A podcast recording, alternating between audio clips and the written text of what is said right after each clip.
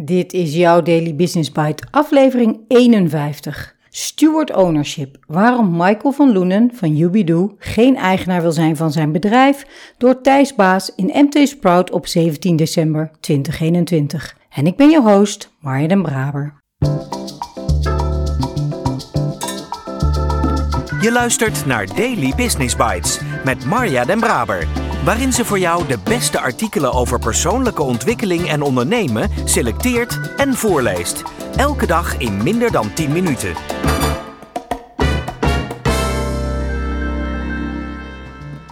Dit is de podcast waarin ik jouw oren streel met de zachte klanken van de beste artikelen over ondernemen en persoonlijke ontwikkeling die ik maar kan vinden. Met toestemming van de auteur uiteraard. Laten we starten met het optimaliseren van jouw business. Ubidoo-oprichter Michael van Loenen neemt na 15 jaar de organisatiestructuur van zijn bedrijf flink op de schop. Hij koos voor steward ownership. Het bedrijf is daarmee als het ware van zichzelf en kan zich volledig richten op zijn missie. De kiem voor Ubidoo werd in 2007 gelegd. Van Loenen en zijn compagnon Bert van Inge deelden een onbehagen over wat zij zagen als een chronische disbalans in de wereld. Ze konden niet bevatten hoe de mensheid er in honderdduizenden jaren niet in geslaagd was om de enorme overvloeden onderling eerlijk te verdelen. Jubidoo doneert tot 12% van de verkoopprijs van een boek aan projecten van goede doelen. De koper bepaalt zelf welk project. Zo is er inmiddels meer dan 550.000 euro de goede kant op gestuurd. Uitgangspunt is om geld zoveel mogelijk te herverdelen, zegt Van Loenen. In onze zoektocht kwamen we eigenlijk per ongeluk uit bij boeken.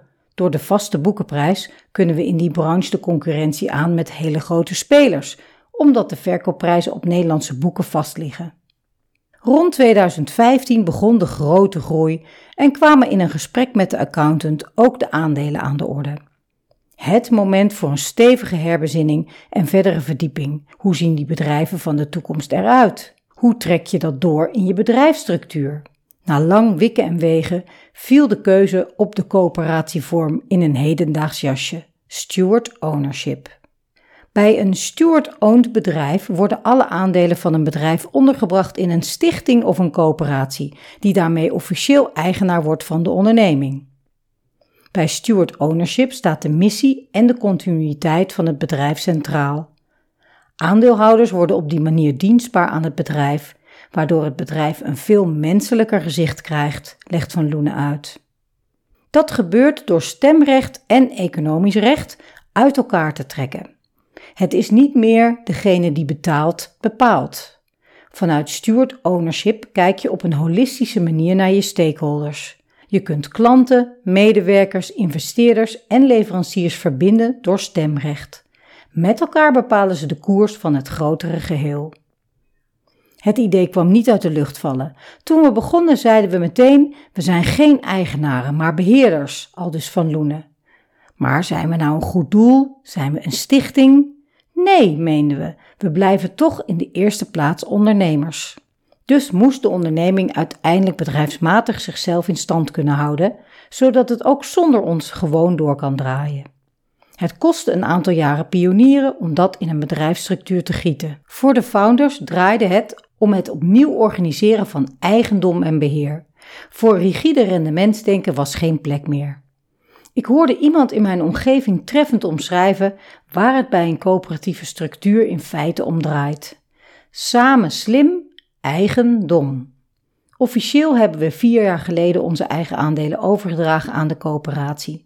En afgelopen zomer hebben we de laatste wijzigingen doorgevoerd. Van Loenen heeft met Jubidoo ook een zoektocht gehad met betrekking tot de funding.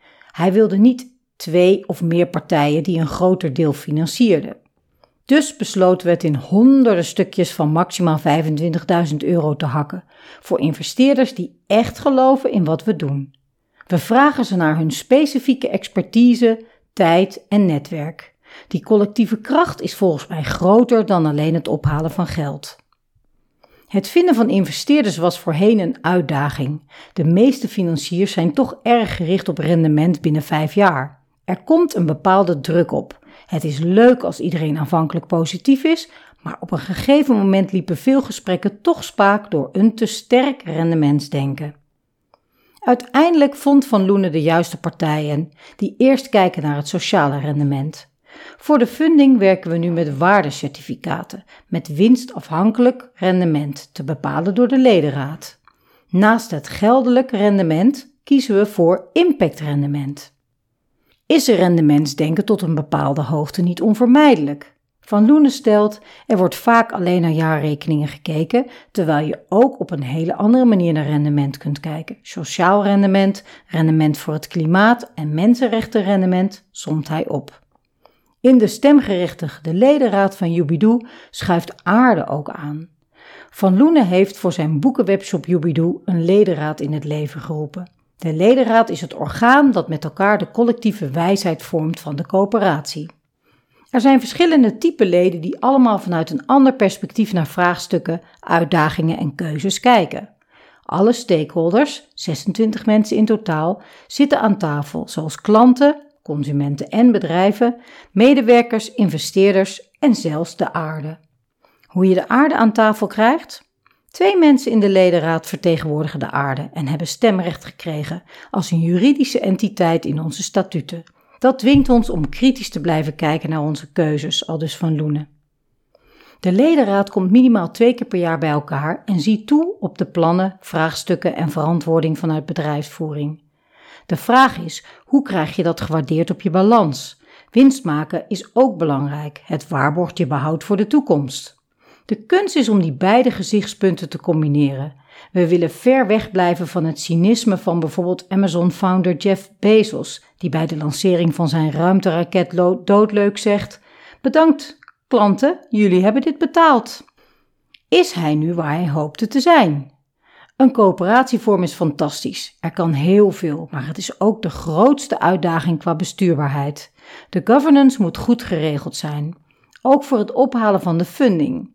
We hebben veel op eigen kracht gedaan, maar op een gegeven moment heb je toch groeigeld nodig om sneller te schalen en de impact te vergroten. We zijn die coöperatievorm nu definitief aan het activeren met het opstarten van de ledenraad. Komend jaar hebben we de eerste ledenraadvergadering. Ook onze klanten kunnen lid worden van de coöperatie middels een kleine lidmaatschapsbijdrage, de Fair Deal. Daarmee krijgen ze verschillende voordelen, zoals geen verzendkosten en korting op online events. Dit zijn de principes van steward ownership. Bij steward ownership is sprake van zelfbestuur. Stemrecht ligt bij mensen die betrokken zijn bij het bedrijf. Winst dient de missie en wordt geherinvesteerd in het bedrijf of gedoneerd in lijn met de missie van het bedrijf. Investeerders en oprichters worden eerlijk gecompenseerd. Bij een coöperatie zijn de leden eigenaar, met ieder één stem. Deze stemgerechten hebben zowel de steward-aandelen, stemrecht, als de investeerder-aandelen, economisch recht. Bij steward ownership zijn deze type aandelen van elkaar gescheiden. Mensen kunnen in de regel geen aandelen van beide typen bezitten. Wel is het mogelijk om een coöperatie steward-owned te maken. Daily Business Bites met Marja Den Braber. Je luisterde naar Steward Ownership, waarom Michael van Loenen van Jubidoe geen eigenaar wil zijn van zijn bedrijf, door Thijs Baas. Leuk om even verder te zoeken op Michael van Loenen. Vorig jaar stond hij in de lijst Duurzame Jonge 100 van 2021. Toen 30 jaar.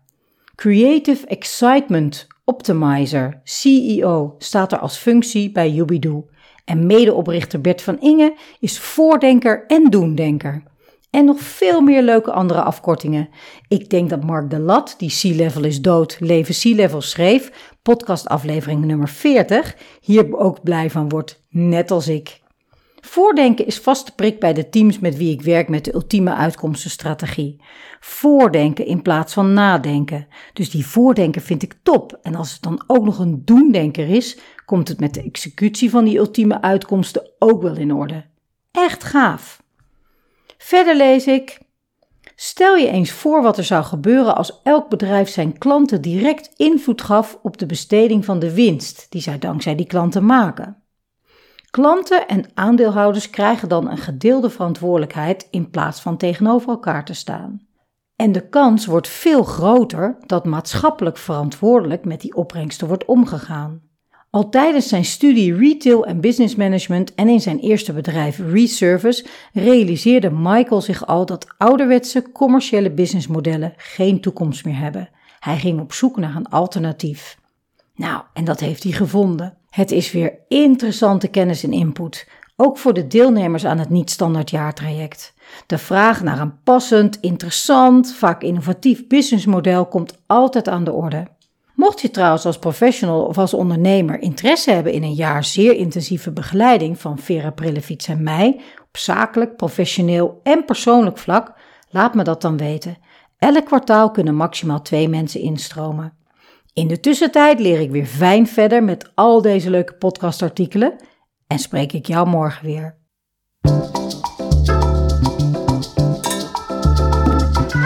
Dit was Daily Business Bites.